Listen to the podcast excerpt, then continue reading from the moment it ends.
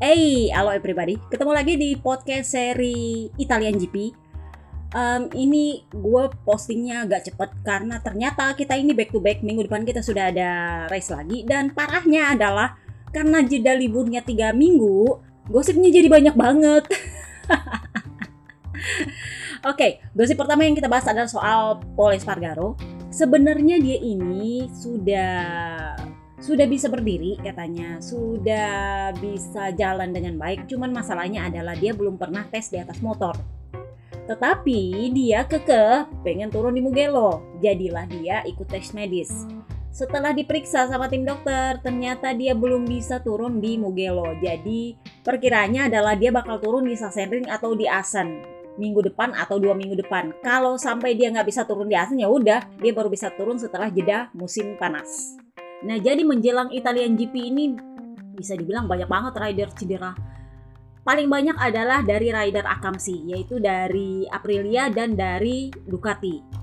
Yang dari Aprilia adalah Papa Alis. Papa Alis itu kemarin kan patah bahunya tuh. Waktu di acaranya Aprilia di Aprilia All Stars itu dia sendiri nggak bisa turun balapan skuter karena bahunya masih sakit jadi memang Papi Perilivola itu kemarin sudah patah arang. Dia bilang saya nggak yakin sih bisa turun si Oliveira. Tapi ternyata setelah menjalani pemeriksaan, ternyata dia bisa turun trek. Akhirnya dia memutuskan untuk turun trek. Sayangnya adalah di race hari Minggu dia crash, tapi ya paling nggak dia turun balapan lah kan ya. Raul Fernandez sebenarnya itu nggak terlalu parah cederanya. Kenapa? Karena dia cuma perkara habis operasi ampam. Nah, misilnya adalah dia di hari Sabtu kemarin sempat crash dan udah gue bilang itu crashnya agak mengerikan dan memang ternyata kepalanya terbentur. Dan itu menyebabkan dia race di hari Minggu itu sampai muntah di dalam helm. Muntah di dalam helm. Itu karena dia udah pusing banget. Jadi bukan masalah ampamnya tapi masalah dia crash di hari Sabtu dan ternyata kepalanya terbentur ini mirip gejala waktu Yuan Mir di Argentina, masih ingat? Dia terbentur kepalanya waktu di sprint race terus dia mundur di balapan hari Minggu karena kepalanya terbentur menyebabkan dia pusing dan akhirnya dia muntah. Nah inilah yang terjadi pada Raul Fernandez. Sebenarnya dia nggak apa-apa waktu restart, tapi lama-lama lama dia akhirnya nggak bisa tahan juga. Dia pusing sendiri dan akhirnya muntah di dalam helm.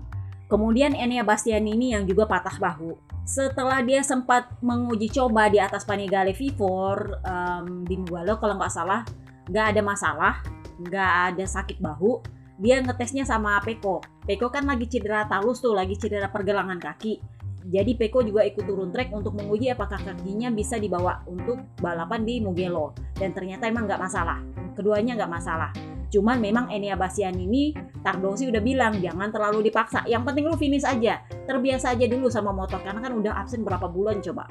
Nah, Peko yang sampai hari Minggu dia di podium pun masih ya tertatih-tatih, dia bilangnya sakit sih kagak. Cuman emang nggak bisa digerakkan. Apa sih kalau dibilang nggak bisa digoyangin gitu loh. Tapi kalau dibilang sakit sih enggak kemungkinan sih ada painkiller juga jadi painkillernya lumayan berpengaruh jadi dia bilang mau dibilang sakit sih enggak cuman ya saya ngeremnya juga agak agak sedikit tricky dan emang nggak bisa terlalu banyak digerakkan jadi Oliveira Enea, Peko kemarin itu mendapat fit to ride ketika hari Kamis. Yang dapat under control itu Luka Marini.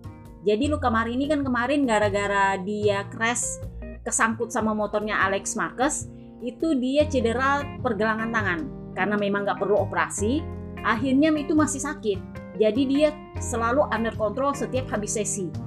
Nah masalahnya waktu di sprint race nggak terlalu bermasalah sih emang sakit tapi nggak terlalu bermasalah. Nah masalahnya adalah di hari minggu. Jadi itu kan balapannya panjang dan akhirnya di akhir-akhir balapan ketika dia battle sama Sarko dia bilang udah sudah nggak bisa tangan saya udah nggak bisa dipaksa jadi udah kayak gitu dia bilang mau nangis sih karena kan kesempatan untuk dia mempertahankan podium tapi udah nggak bisa emang udah tangan dia udah nggak mau dipaksa udah kayak gitu udah full dia dia pakai Nah, yang menjadi pusat perhatian juga kemarin sebelum Mugello adalah Morbidelli. Jadi Morbidelli ini kan sempat nongol di WSBK. Jadi ditanya lah dia, beneran nih lu mau ke USBK Morbidelli pada saat itu dia bilang saya sih melihat diri saya masih tetap membalap di MotoGP tahun 2024 masih banyak yang harus saya lakukan di MotoGP. Tapi dia nggak bilang apakah dia akan perpanjang dengan Yamaha atau enggak. Gosip berhembus sepoi-sepoi memang sudah lama berkata bahwa proses perpanjangannya dia udah dimulai. Tetapi Yamaha bilang jangan juga karena kamu tahu kamu bakal perpanjang, kamu leyeh-leyeh di situ. Perbaikilah performamu. Jadilah ya gue nggak tahu juga di Mugello itu apakah hanya anomali atau gimana. Tapi nanti itu kita bahas soal balapannya di part kedua. ini akan jadi dua part teman-teman ya. Kenapa? Karena banyak banget gosipnya. Gue usahakan sependek-pendek mungkin, tapi kalau emang jadi dua part ya maaf. Yang kasihan adalah admin. Karena ini kan mepet-mepet, jadinya dia harus edit secepat mungkin supaya bisa diupload secepat mungkin. Karena kalau enggak, keburu seri berikutnya udah nongol. Jadi kalau kalian mau bantu admin, minta tolong klik iklan di blog. Kenapa? karena kemarin tuh gue sempat baca komentar di YouTube bahwa ada iklan yang nongol ketika kalian putar podcastnya di YouTube. Jadi gue sempat nanya admin akun, itu kok iklannya udah jalan? Padahal kan kita belum memenuhi syarat untuk monetisasi. Jadi dia bilang sepertinya itu emang sudah haknya YouTube untuk memasukkan iklan di akun-akun yang belum memenuhi syarat. Jadi ibarat kata pendapatan iklannya itu diambil 100% sama mereka, nggak di-share sama akun kreator. Jadi dia bilang ya kita emang nggak akan dapat apa-apa karena memang kan subscriber kan belum dapat. Belum lagi gue nggak tahu apa lagi katanya ada dua syarat gitu. Ada lagi satu yang emang nggak nggak memenuhi syarat. Jadi dia bilang ini ketentuannya YouTube dan memang haknya mereka nggak bisa juga dihalangi kecuali harus di private channelnya. Nah saya kalau di private kan kalian nggak bisa dengar nanti. Jadi ya udahlah. Kalau kalian mau bantu admin, tolong klik iklan yang ada di blog itu aja lanjut kita kembali lagi soal Morbidelli. Jadi Morbidelli bilang gini, e, sebenarnya nggak ada yang perlu dilibutin sih, cuman kalian aja media yang ribut banget gitu loh. Kalau saya perpanjang, saya pasti perpanjang. Kalau nggak perpanjang ya enggak. Tapi kalian sudah duluan ribut bahwa saya bakal ke USBK. Jadi ya kalau menurut saya itu semacam ya cambukan lah untuk saya memperbaiki diri. Ya dia bilangnya kayak gitu aja. Tapi waktu selesai nonton WSBK di Misano itu sempat diwawancara dan dia bilang saya melihat diri saya masih di MotoGP tahun 2024 karena itu memang clue-nya bahwa dia akan perpanjang. Yang menjadi masalah adalah Fabio Di Antonio. Kalau kalian lihat Tony Arbolino itu unggul di Moto2, sudah gue bilang, Opa Pernat itu punya alasan untuk membawa anak didiknya yang satu ini menemani Enea Bastianini di Ducati channelnya Oppo Pernet itu cuma Ducati nggak bisa ke tempat lain jadi ya memang aturannya adalah dia harus masuk di sini kenapa karena Pramak itu adalah tim satelit kelas 1 yang bisa masuk di situ adalah kalau lu Jurdon. Nah, kalau Tony Arbolino Jurdon ya bisa dia masuk di Pramak karena kan Beko kemarin masuk Pramak. Masih ingat? Jadi memang kalau Tony Arbolino bisa Jurdon Moto tuh dia bakal langsung ke Pramak dan dia layak untuk itu. Tapi kalau dia nggak jurdun dan Opa pernah memaksa, ya terpaksa di Gian Antonio disingkirkan. Dan itulah kenapa di Gian Antonio memang berusaha keras kemarin, tapi ya yeah, you know lah. Dia sempat berusaha ngintil sama Papa Lukas, sampai Papa Lukas ngamuk-ngamuk kemarin tuh, itu gara-gara memang dia berusaha untuk mempertahankan seatnya. Karena memang Tony Arbolino ini emang sudah waktunya untuk dibawa naik pangkat.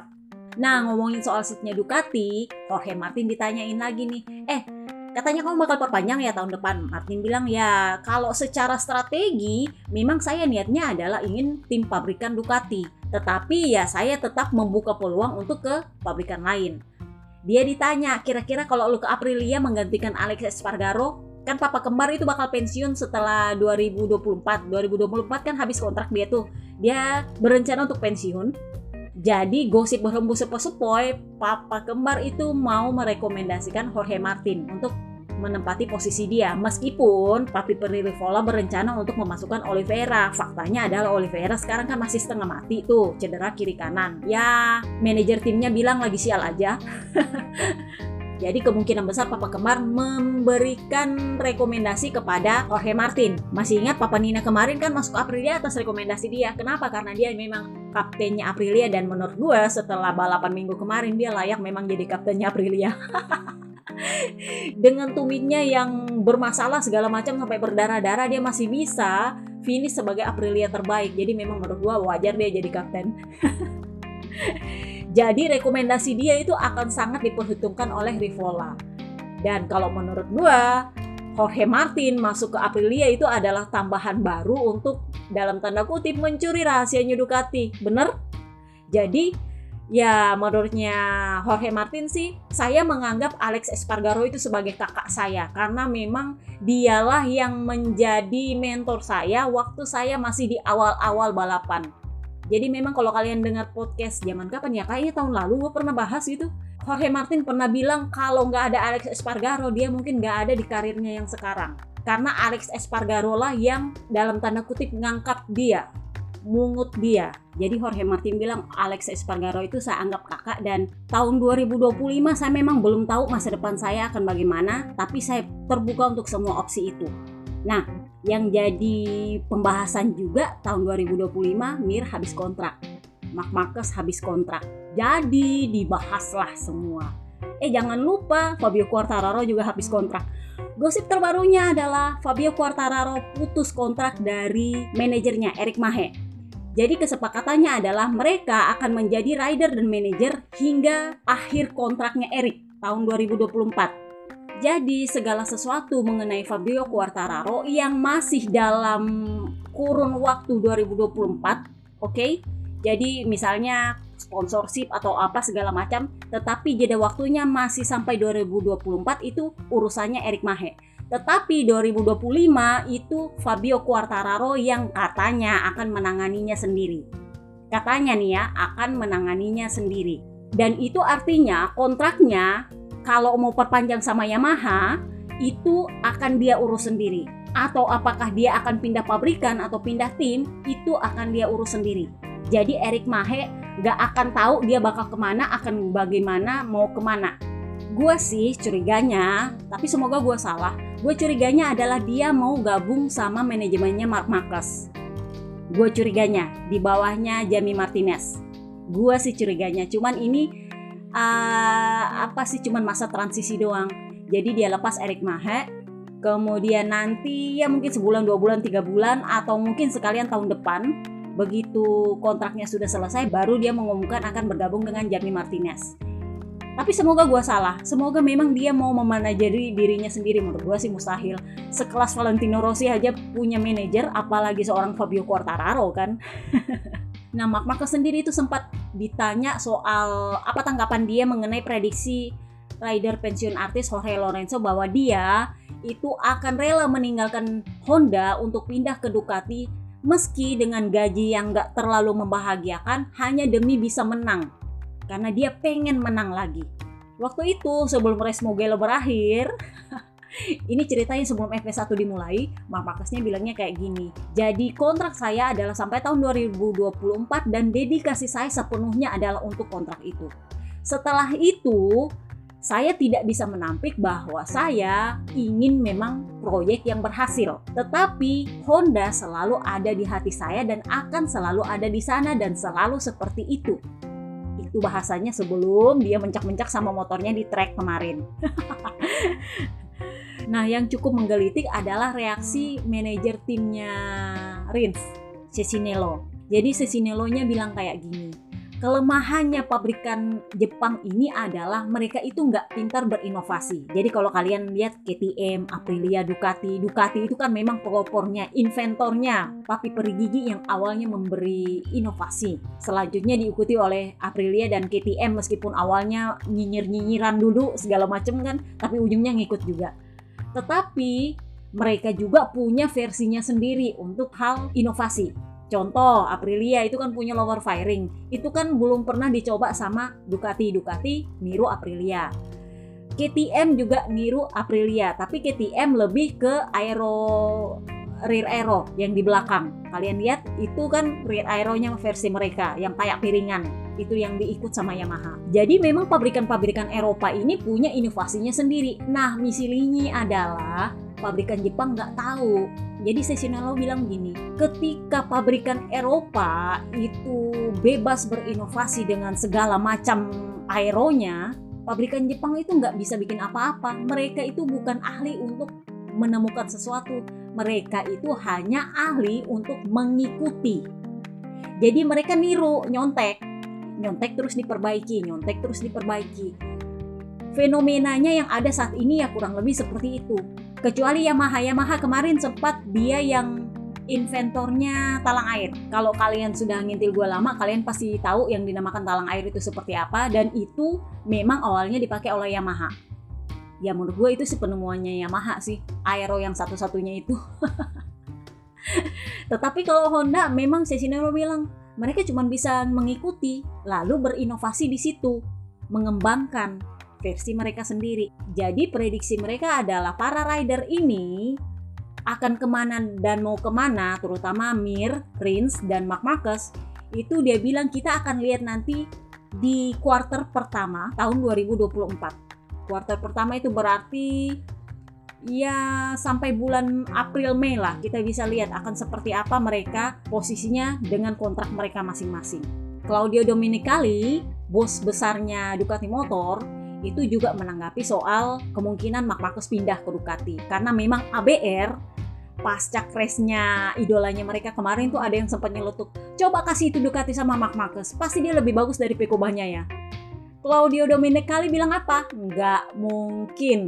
Kenapa? Karena itu tidak akan adil untuk para rider kami.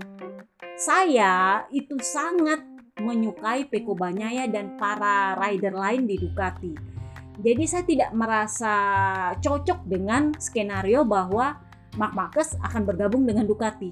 Karena memang sejak awal itu Ducati memang sorry tuh saya kalau gue bilang itu menandai Van Marcus Alex Marquez itu kan udah gue bilang masuk ke Gresini kemarin itu kan ibarat kata sistem todong. Gigi dalinya pun nggak tahu kalau ternyata Alex Marquez masuk di Gresini tahu-tahu udah pengumuman aja Kenapa? Karena memang bukan cuma di VR46 saja ketidaksukaan kepada Mark Marquez itu ada di Ducati. Terutama akhir-akhir ini ketika penyakit curi-curi kintilnya itu muncul kan yang paling sering jadi korban adalah rider Ducati. Makanya mereka nggak suka. Dan juga adalah publik Ducati nggak suka. Mereka adalah orang Italia dan sebenarnya orang-orang Italia ini nggak terlalu anti sih sama Spanyol. Contoh Papa Kembar itu Papa Kembar sampai bilang kalau mau dibandingkan publik Italia dengan publik Spanyol itu lebih nyebelin publik Spanyol. Kenapa? Karena saya loh sudah bahagia dengan kehidupan saya, ada keluarga, ada tim yang bagus, motor yang bagus. Saya bisa dibilang pria tua yang sukses, tapi sepertinya itu tidak disukai di Spanyol. Ya kenapa? Karena memang dia sering ribut sama Mark Marquez. Dan KTPS ini kan memang ya maklum juga sebagian besar mereka adalah ABR jadi memang nyinyi nyinyi nyinyi nyinyi nyinyi nyinyi terus jadi kata papa kembar kayaknya publik Italia tetangga kita ini lebih ramah lebih santai lebih lebih menyapa dengan baik. Saya luka tuh mereka baik-baik aja. Kenapa orang Spanyol yang ribut?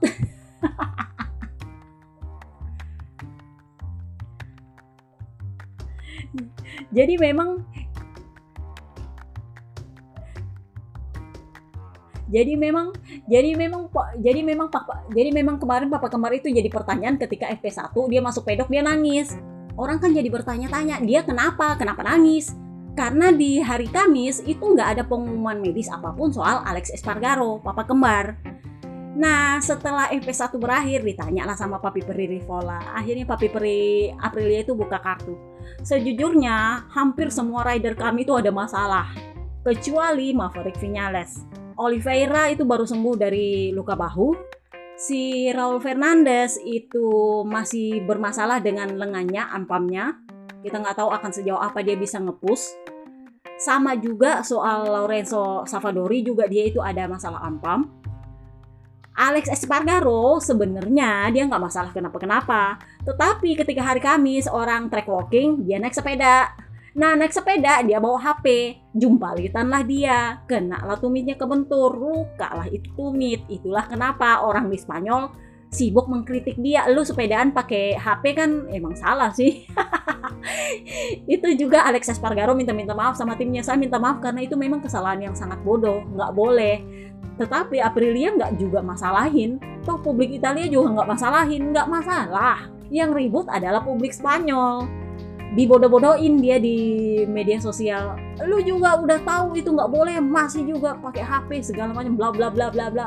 Ya lu tau lah ABR lah ya. Karena memang Papa Gemar ini menjadi sasaran ABR ketika dia sudah bilang eh Mak Marcus bayar aja itu penalti nggak usah jadi pengecut. Masih ingat? Di situlah dia menjadi targetnya ABR. Jadi waktu ketahuan dia jatuh gara-gara naik sepeda pakai HP, ya jadi bulan-bulanan lah dia.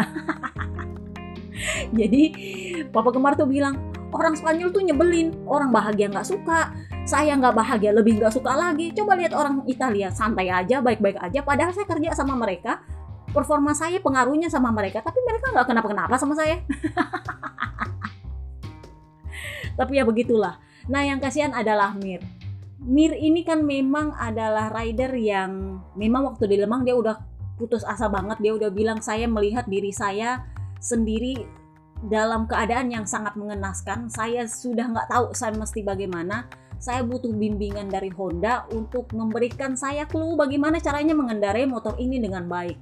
Kenapa? Karena begitu saya mengendarai motor ini dengan gaya saya, saya memang bisa cepat tapi begitu bisa cepat saya crash selalu begitu dan selalu begitu jadi Paco Sanchez itu bilangnya kayak gini itu cuma masalah adaptasi saja.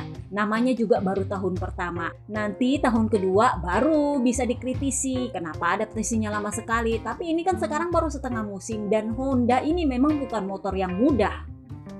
Bahkan seorang Mark Marquez pun kesulitan. Jadi kalian tidak bisa mengharapkan seorang Yuan Mir lebih gampang adaptasi daripada Mark Marcus. Logikanya kan begitu, bener? ya bener juga. Kalau seorang Mark Marcus yang udah bangkotan di Honda dan motor itu notabene dibangun untuk Mark Marcus seorang, ini sama dengan Yamaha.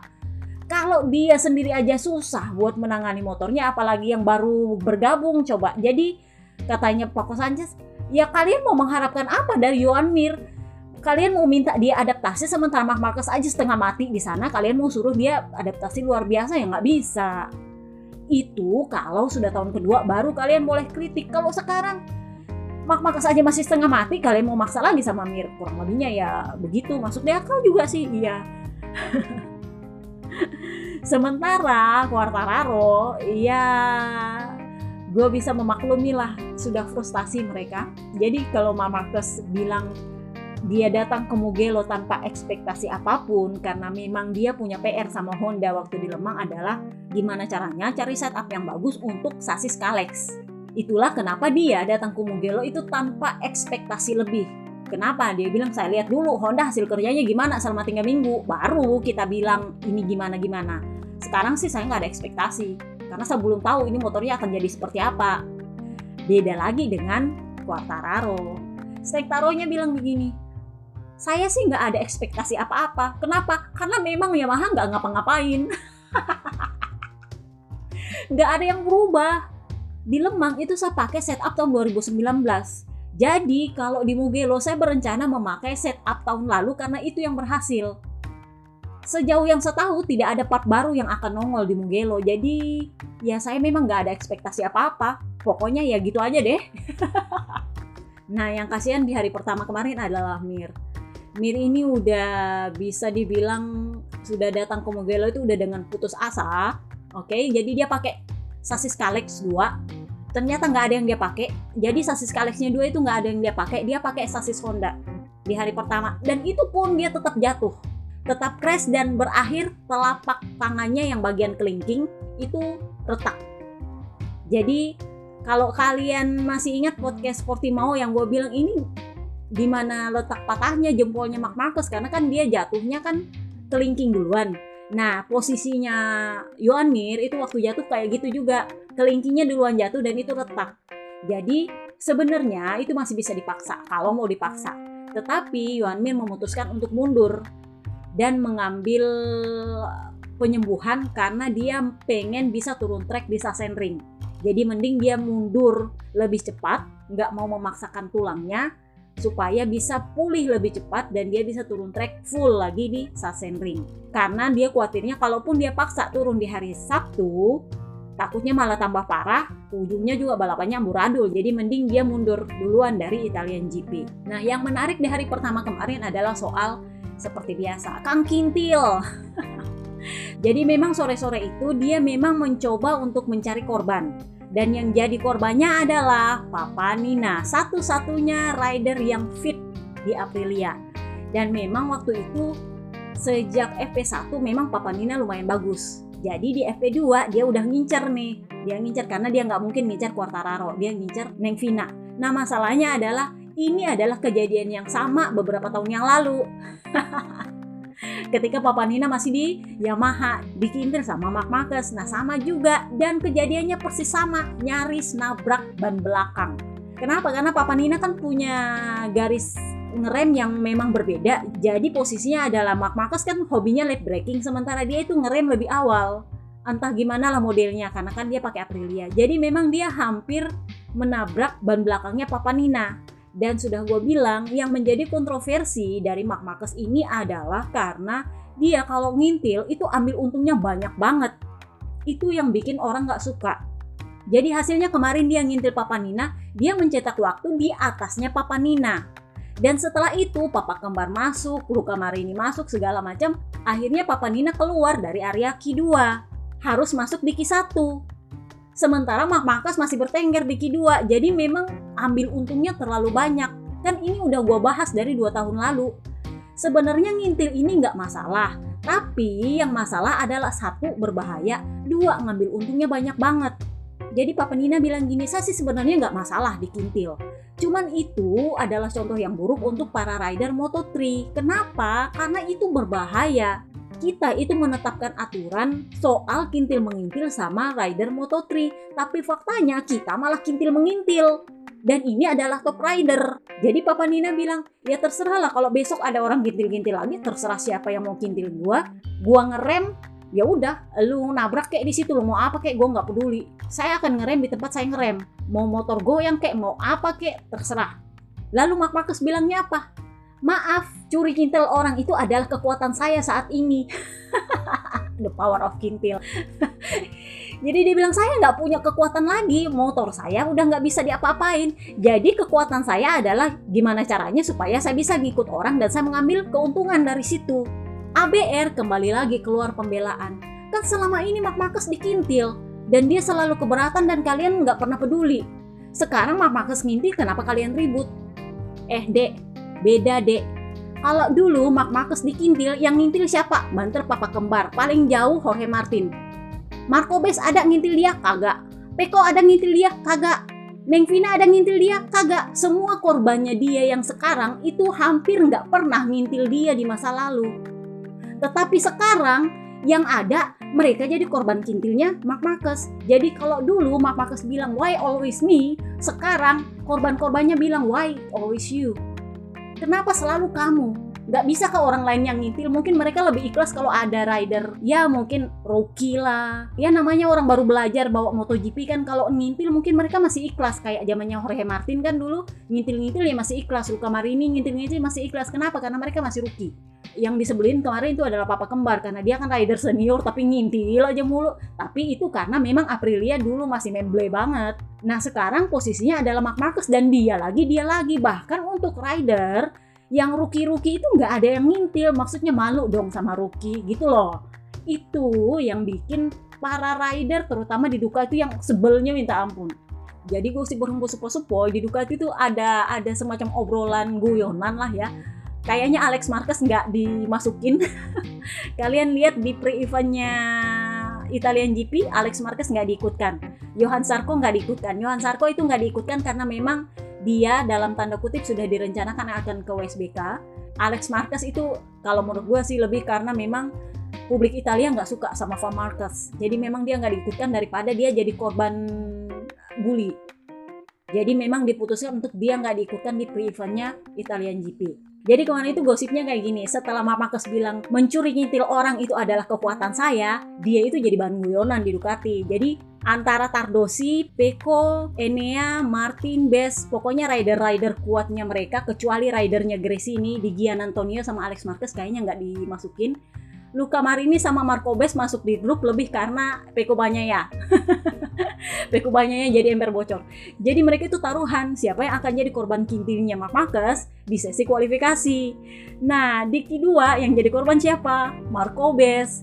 Jadi kalau lihat videonya kualifikasi, si Marco Bes itu diikutin sama Mark Marcus, terus di belakangnya Mark Marcus itu ada Jorge Martin.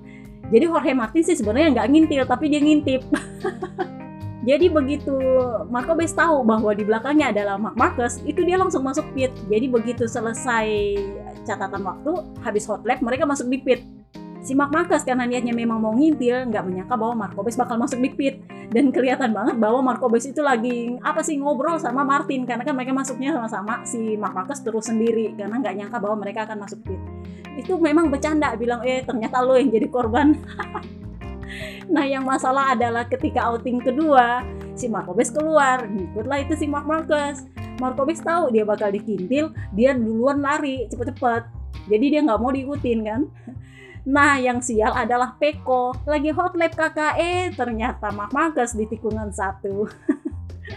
sebenarnya sih, sebenarnya nggak perlu dimarah-marahin. Cuman karena memang mereka habis bercandain kemarinnya, jadinya si Peko nih bilang, aduh gua kalah taruhan nih. Jadi terpatri di otaknya itu bahwa dia ini bakal nyuri kintil terserah lu mau dapat siapa lu pasti curi kintilnya orang jadi itulah kenapa si Peko itu ngamuk-ngamuk nunjuk-nunjuk otak otak lu mana? Pakai otak dong kalau mau cetak waktu.